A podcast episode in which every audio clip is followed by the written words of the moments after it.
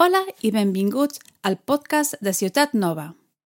Som una església protestant i una comunitat de creients al barri 22 arroba de Barcelona. Els primers sis mesos del 2021 estudiem el sermó més famós de Jesús, que es troba als capítols 5, 6 i 7 de l'Evangeli de Mateu.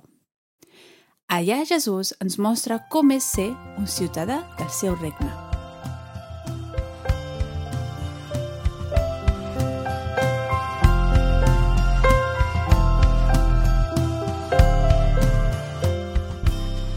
Procureu de no fer la vostra almònia davant dels homes per ser-ne vistos.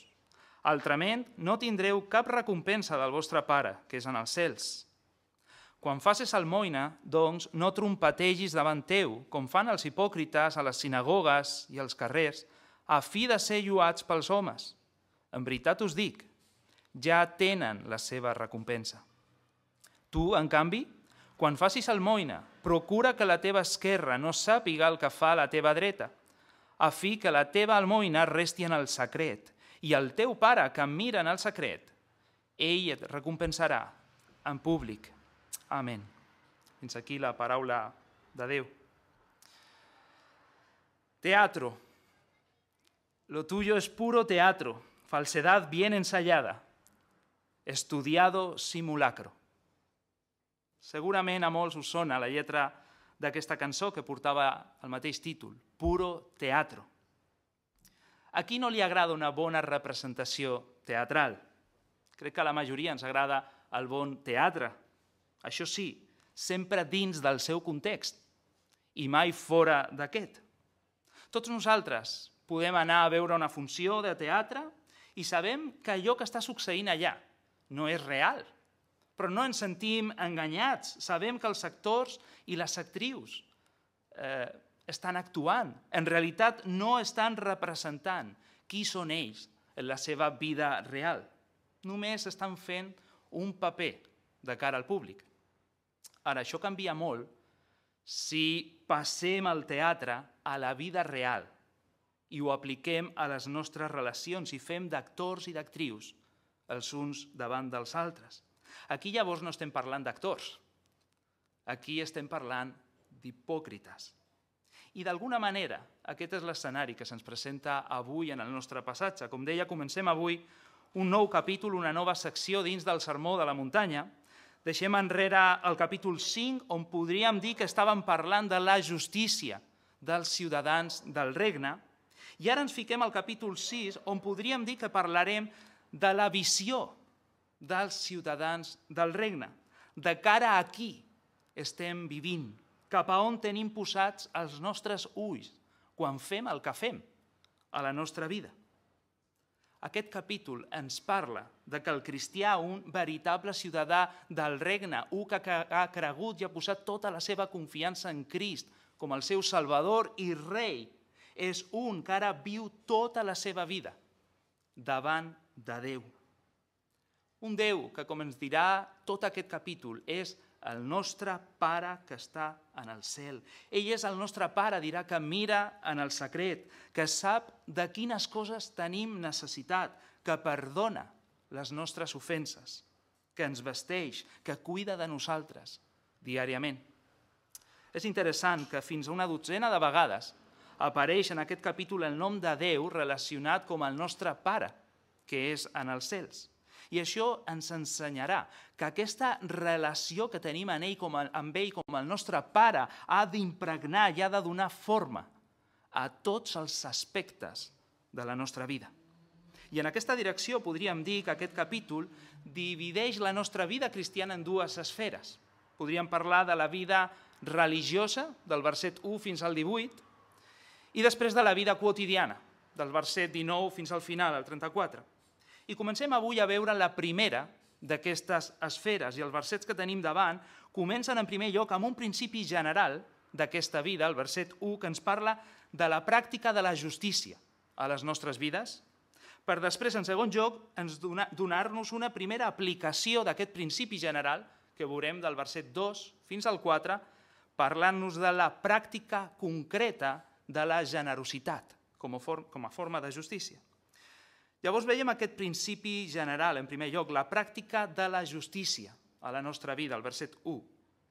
I el text diu així, Jesús, procureu de no fer la vostra almoina davant dels homes, per ser-ne vistos, altrament no tindreu cap recompensa del vostre Pare, que és en els cels. I aquest principi ens parla en primer lloc d'una justícia practicada. Realment la paraula que traduïm aquí per almoina, la majoria d'erudits pensen que s'hauria de traduir millor per justícia, és aquesta la paraula que tenim darrere. Llavors, fer la vostra justícia és el que està dient. Això engloba la pràctica total de la nostra vida religiosa, de la vida dels creients. Si veiem el context, això abasteix tot el que es dirà després, des del verset 2 fins al 18, on es destaquen tres exemples pràctics. El primer de l'almoina, com hem llegit, versets 2 i 4, després parlarà de la pregària, versets del 5 al 15, i finalment del dejú, versets del 16 fins al 18. I segurament jo penso que no són tres exemples posats a l'atzar. Molt probablement, aquests eren tres pilars de l'autèntica espiritualitat, religiositat, devoció i pietat del judaïsme del primer segle, del judaïsme més ortodox, dels fariseus que coneixem. Llavors, si al capítol 5 veiem com Jesús parlava en contra del que deien aquests líders religiosos, en el capítol 6 i en aquesta secció veurem com parlarà en contra del que feien aquests religiosos. I no tant del que feien en si, sinó de com ho feien. És important veure com Jesús dirà, verset 2, quan facis almoina, verset 7, quan pregueu, verset 16, quan dejuneu, llavors ell sí espera que farem totes aquestes coses. També podríem dir que cadascun d'aquests exemples que posa Jesús cobreixen d'alguna manera el global de la nostra vida cristiana pràctica. La vida en relació amb els altres, l'almoina, això vol dir la, la limosna, la generositat, en relació amb Déu, la pregària, i en relació amb nosaltres mateixos, eh, amb el dejú, la disciplina pròpia. Podríem resumir-ho així, la nostra generositat, la nostra espiritualitat i la nostra disciplina pròpia. Ara bé, un punt important aquí. No hem d'entendre que quan parla de fer la nostra justícia, les nostres obres justes i de rebre la recompensa de Déu per això, s'està parlant aquí de guanyar la nostra salvació per mitjà de les nostres pràctiques religioses i cristianes. Tot el sermó de la muntanya ho hem d'entendre o, o resulta, es deriva sota el paraigües de la seva introducció, de les benaurances. Allà Jesús començava aquest sermó dient que precisament no els que confien en la seva justícia, riquesa personal, sinó els pobres en esperit, els que reconeixen que estan en bancarrota davant de Déu, d'aquests pertany al regne dels cels. A més, notem que aquest text dels qui parla ja tenen una relació amb Déu com el seu pare, que és en els cels. Llavors no estan parlant de guanyar aquesta relació, sinó d'aquells que ja tenen aquesta relació, no de guanyar la salvació, sinó d'aquells que ja formen part del regne de Déu. Ara, el punt aquí és entendre que la vida cristiana no té res a veure amb una vida merament contemplativa. Es tracta d'una vida nova que es veu impulsada a la pràctica de la justícia. Com Jesús mateix deia a les benaurances, és una vida que ara té fam i set de justícia, de practicar una vida justa. Ara, l'assumpte és com ho farem? Quina serà la nostra motivació? Llavors se'ns parla aquest principi d'una justícia practicada, també d'una justícia que ha d'estar enfocada. Jesús diu, procureu de no fer la vostra justícia davant dels homes. Però espera un moment. El capítol 5, verset 16, ja ens havia dit que així ha de brillar la vostra llum davant dels homes a fi que vegin les vostres bones obres, perquè glorifiquin el vostre Pare per donar testimoni. Com que ara no hem de practicar aquestes coses davant dels homes? Com ho veuran? Com podrem ser nosaltres de testimoni? Bueno, aquí no, no hi ha cap contradicció. El punt de tot és la motivació, la intenció. Allà simplement parla de que no ens amaguem, no som covards a l'hora de viure la vida cristiana davant del món. Aquí el que es condemna és la intenció per ser-ne vistos, no per glorificar el nostre Pare. I és interessant aquí que la paraula que nosaltres traduïm per ser-ne vistos es tracta d'una sola paraula d'on traiem nosaltres l'arrel per la paraula teatre. És a dir, està dient, no feu un teatre de la vostra justícia representant un paper que en realitat no sou a la vostra vida, només per rebre l'aplaudiment dels altres, per posar els focus sobre les vostres persones. I això ho veurem en cadascun dels exemples que Jesús posarà, com de l'almoina, la pregària i més endavant del dejú. Ara bé, amb tot això podem constatar una realitat molt crua de la nostra vida. I és que el problema del pecat s'estén a tots els nivells de la nostra vida. El pecat surt a la llum en totes les nostres relacions amb els demés, amb Déu i fins i tot amb nosaltres mateixos. Fins i tot en el moment en el que diríem que és el més sant de l'ésser humà, quan anem davant de Déu i estem pregant de genolls davant d'ell, allà mateix, abans que tu i que jo, arriba el nostre pecat. Allà es manifesta també. El pecat és una realitat radicalment omnipresent a les nostres vides.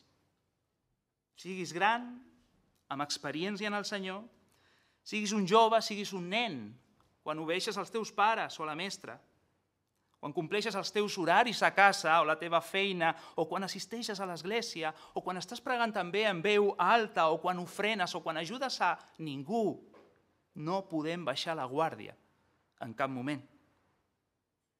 Ara bé, com hem dit, si som aquests ciutadans del regne, quan som cristians, aquest capítol també ens ensenya que la nostra relació amb Déu com el nostre Pare ha d'il·luminar, la seva llum ha de ficar-se en cada aspecte i comportament de la nostra vida.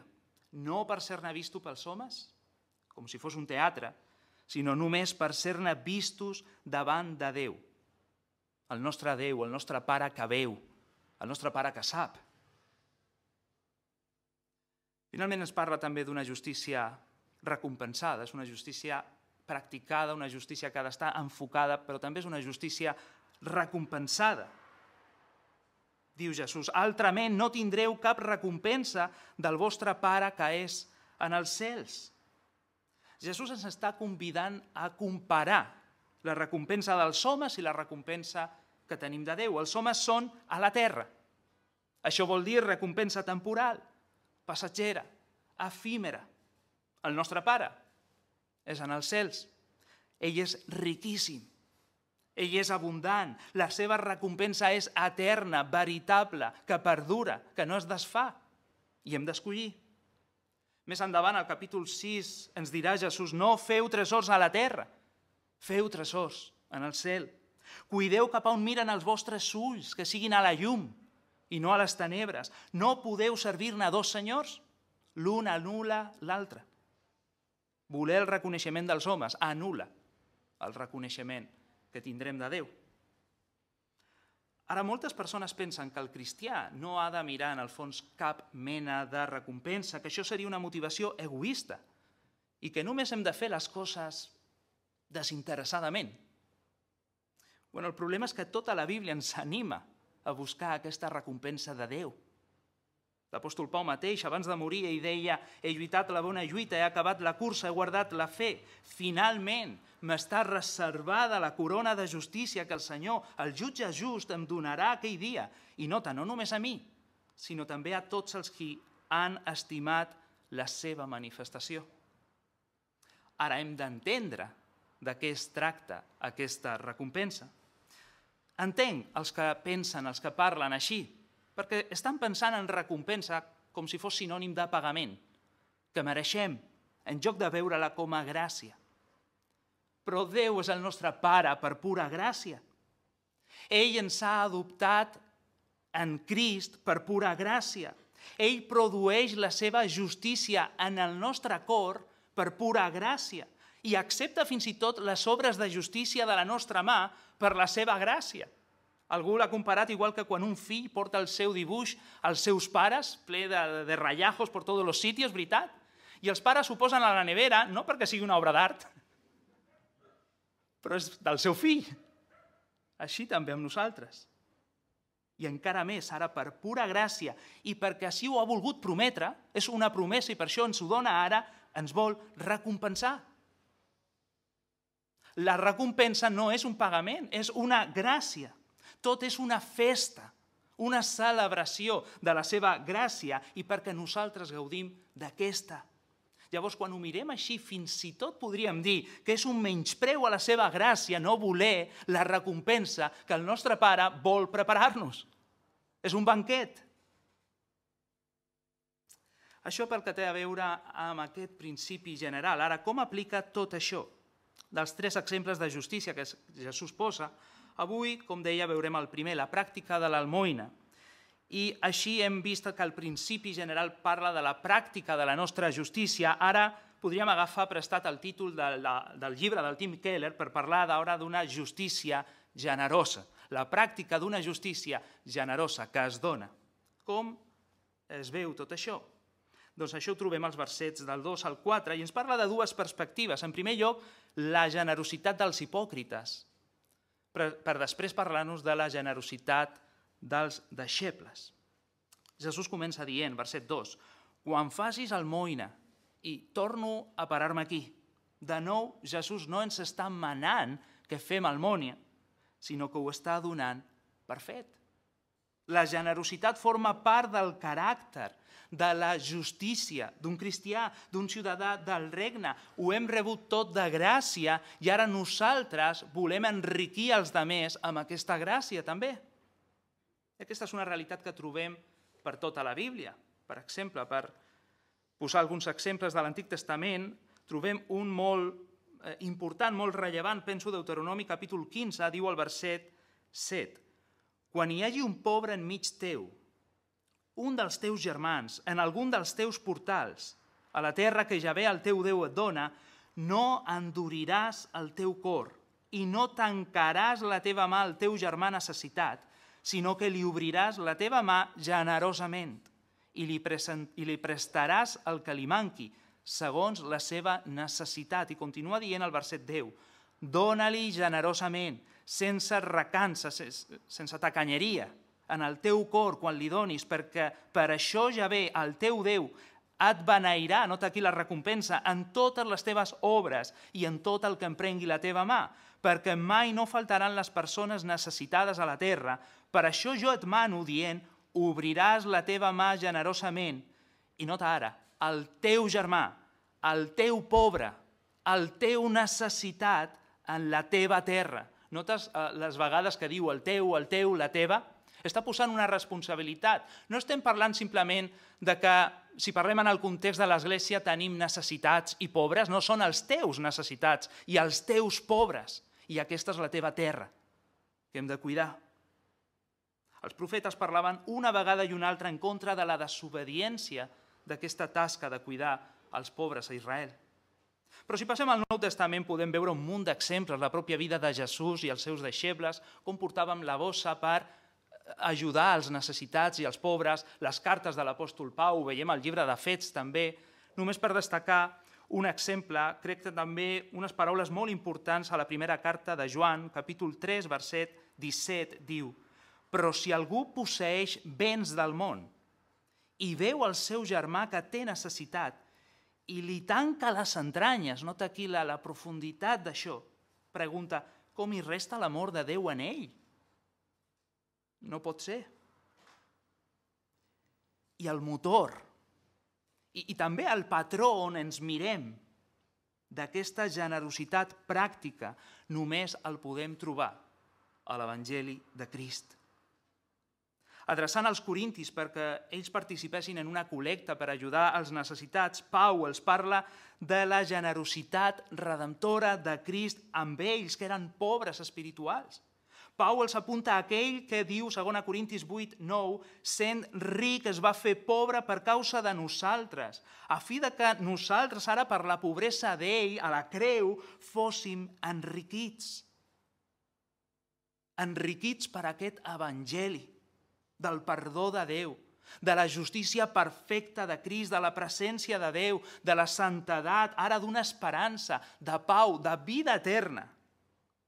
S'espera de nosaltres aquesta justícia generosa de Crist per enriquir els necessitats de la nostra comunitat i del nostre voltant en aquesta societat. L'anglicà del segle XIX, J.C. Ryle, diu un salvador generoso debería tener discípulos generosos. Aquesta és la realitat, aquest és el fruit. Ara bé, hi ha una forma de generositat que pot ser practicada injustament, com en el cas que presenta aquí Jesús. Ell diu al verset 2, quan facis almoina, doncs, no trompetegis davant teu, com fan els hipòcrites a les sinagogues i als carrers, a fi de ser lluats pels homes. De nou, Jesús utilitza aquí una paraula que té el seu origen en el, origen en el món del teatre. Ell parla d'hipòcrita. Això es referia a una persona que porta una màscara, un actor sobre l'escenari. Així és com si estigués dient no feu com fan els actors a les sinagogues i pels carrers. Més que probablement, Jesús estava apuntant a la majoria d'aquells fariseus. El seu comentari, Hendrickson, ens ajuda a entendre una mica el que està succeint aquí. Ell diu, En el tiempo de Cristo, la ayuda a los necesitados la proporcionaba la comunidad religiosa, imponiéndole una contribución a cada persona según su capacidad. Esa cantidad la suplementaban las donaciones voluntarias y esas contribuciones de ayuda eran anunciadas públicamente en las sinagogas y, como aquí se indica también en el texto, aún en los callejones, los lugares donde generalmente se reunían los pobres. Podem imaginar-nos amb aquestes paraules l'escenari, no? Durant el culte de la sinagoga, on es reunien els jueus, un dels líders dels ancians s'aixeca per anunciar la xifra global de les contribucions obligatòries per després donar un llistat detallat de noms i cognoms de tots els que han fet donatius voluntaris. La idea de trompetejar realment no es sap si era literal, segurament no, és una forma figurada de parlar en el sentit de que s'enfatitza l'autopromoció que hi havia en aquell moment. En tot cas, el punt està clar, no? Tot ho feien per cridar l'atenció, per posar els focus sobre si mateixos. Ells complien la lletra de la llei perfectament, però els seus ulls no eren moguts ni per l'amor a Déu ni per compassió als necessitats. I això ens ensenya una cosa important. Veiem que donar almoina, ajudar els necessitats, fer donatius, ofrenar l'Església, ajudar de qualsevol manera, no només materialment, eh, físicament, emocional, espiritualment, a qualsevol persona, no és necessàriament prova d'una verdadera espiritualitat. Recordem el cas d'Ananias i Safira, Fets capítol 5. Tornem a les benaurances. Allà veiem que els ciutadans del regne de Déu tenen set i fam de justícia, volen practicar una vida justa, cada cop més, i això els porta a fer misericòrdia, però tot partint d'un cor pur i d'un cor net que veu a Déu, que el mira.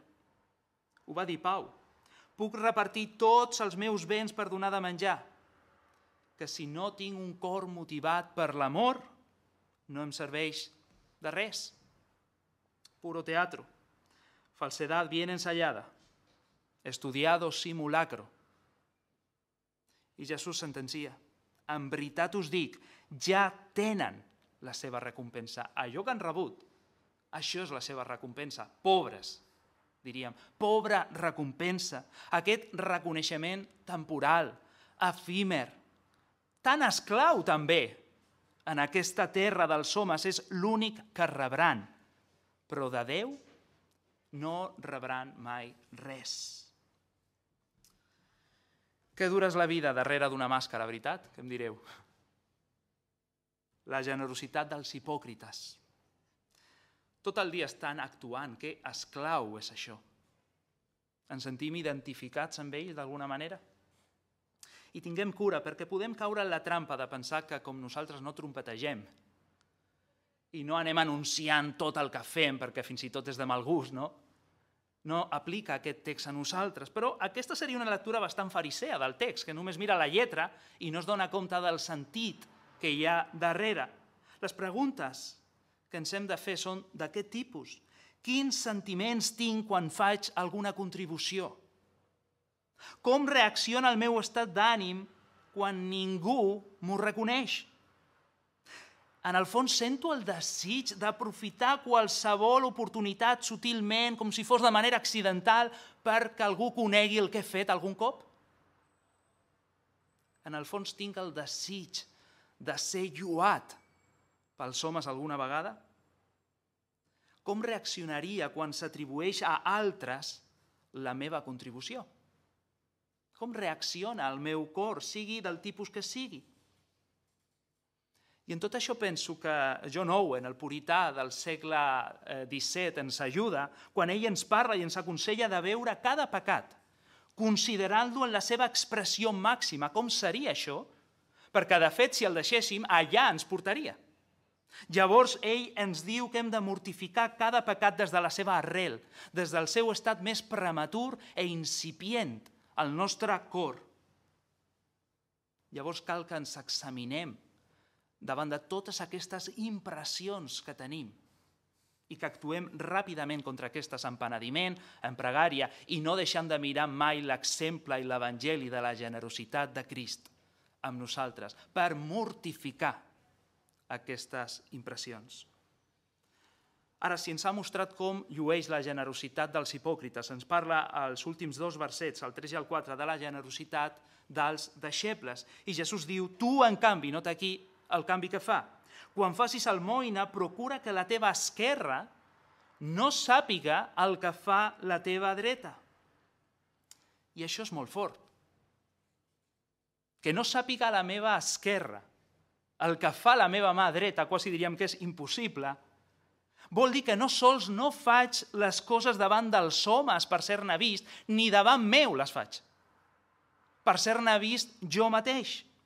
Significa que la meva esquerra no porta el compte, no està apuntant al que jo faig amb la meva dreta. Significa que ni trompetejo, ni ho anuncio en el meu cap tampoc. Si alguns ens podíem salvar en el cas anterior d'anunciar-lo als demés, penso que aquest prova la realitat del pecat en tots nosaltres. El per què d'Isaïas 64, 6, que fins i tot els nostres actes més justos són com a draps bruts davant de Déu. Aquesta realitat ens demostra dues coses. La primera, que tots necessitem un Salvador, que visqui la vida justa que nosaltres no podem viure davant de Déu i que pagui les injustícies que nosaltres hauríem de pagar davant de Déu.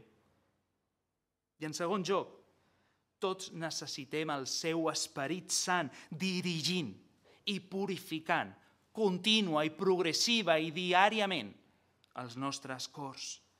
I això només és teu i meu per mitjà de la fe.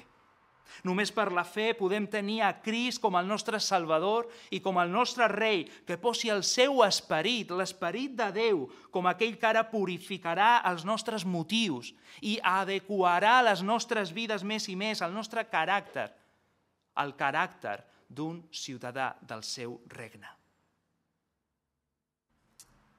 Jesús diu, a fi que la teva almoina resti en el secret. Aquest és el nostre espai un secret davant dels demés, però un secret també davant de mi mateix.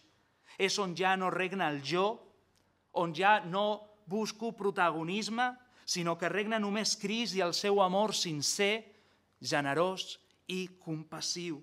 No volem trompetes, no volem anuncis, l'enregistrament del nostre nom en cap llista. Actuem sense obsessionar-nos amb naturalitat, però en el fons només volem que el nostre pare sigui honrat i les necessitats cobertes. Ara ho fem tot només conscients de Déu, davant d'ell. Com diria algú, vivim només per l'audiència d'una sola persona, per l'audiència de Déu. I això només es donarà allà on regna Crist, no el nostre jo. I mirem com acaba. I el teu pare que mira en el secret Potser ningú més se n'adona, però el teu pare sí se n'adona. Potser ni tu portes el compte, però Déu sí està portant el compte de tot. I ell diu, et recompensarà en públic. I això em portava directament a pensar en un text que trobem a Mateu, capítol 25. Eh, no necessàriament és idèntic en totes les coses, però trobem algunes idees que ens poden ajudar aquí. Allà es dona un escenari curiós. Jesús està visualitzant el, el tribunal, el judici final, on seran separats els justos dels injustos, uns a la dreta, els altres a l'esquerra. I els de la dreta, els justos, els dirà, veniu, beneïts del meu pare, herareu el regne preparat per vosaltres abans de la fundació del món. I per què?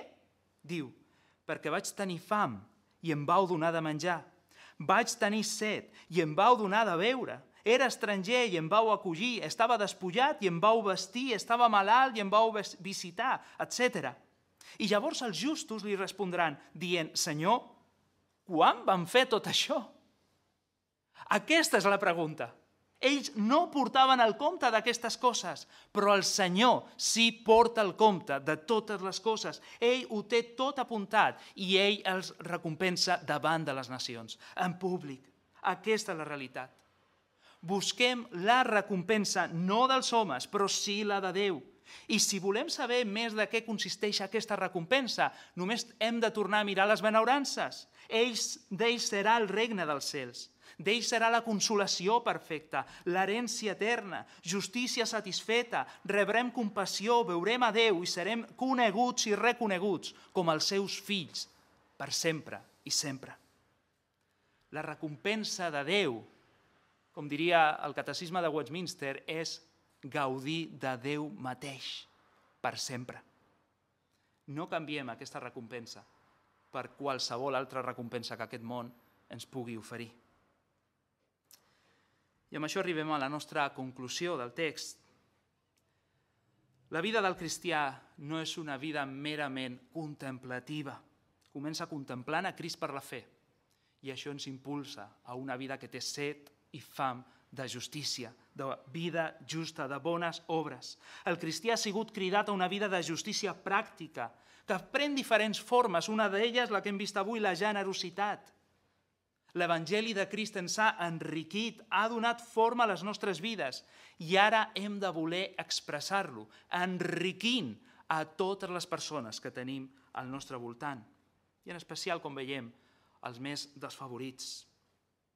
I per tal d'això necessitem no desenganxar-nos, no allunyar-nos en cap moment d'aquest evangeli de la generosa gràcia de Déu amb nosaltres per tal de que els nostres cors no eh, es desviïn, que el nostre ego no vulgui deixar-se veure, no vulgui trompetejar i anunciar tot el que fem contínuament, en lloc de romandre on ha de romandre, que és en el secret, on només Déu i tu ho saps. Una visió clara i contínua de tot el que Déu ha fet i fa per nosaltres en Crist.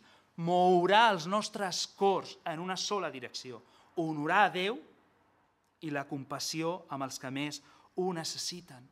Així que no deixem que un acte tan preciós com és el de donar, el d'ajudar, el de compartir amb generositat es converteix en una oportunitat o en un escenari pel pecat, per un teatre fora del seu context, sinó en una oportunitat de reflectir el preciós caràcter generós del nostre Salvador Jesucrist i d'exaltar el gloriós evangeli de la seva generositat que tant ens ha enriquit a nosaltres, que eren pobres espirituals, que estaven en bancarrota davant de Déu. De manera que ara nosaltres, impulsats per aquest evangeli, enriquim les vides de totes les persones que s'envolten.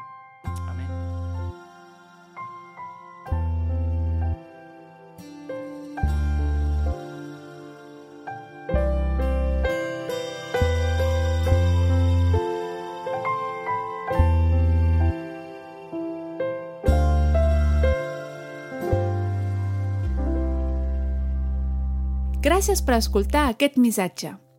Si tens preguntes respecte al seu contingut o vols tenir una conversa sobre l'Evangeli, no dubtis en contactar-nos. El nostre correu electrònic és info arroba cn22.org També ens pots seguir en viu cada diumenge al nostre canal youtube.com barra Ciutat Nova.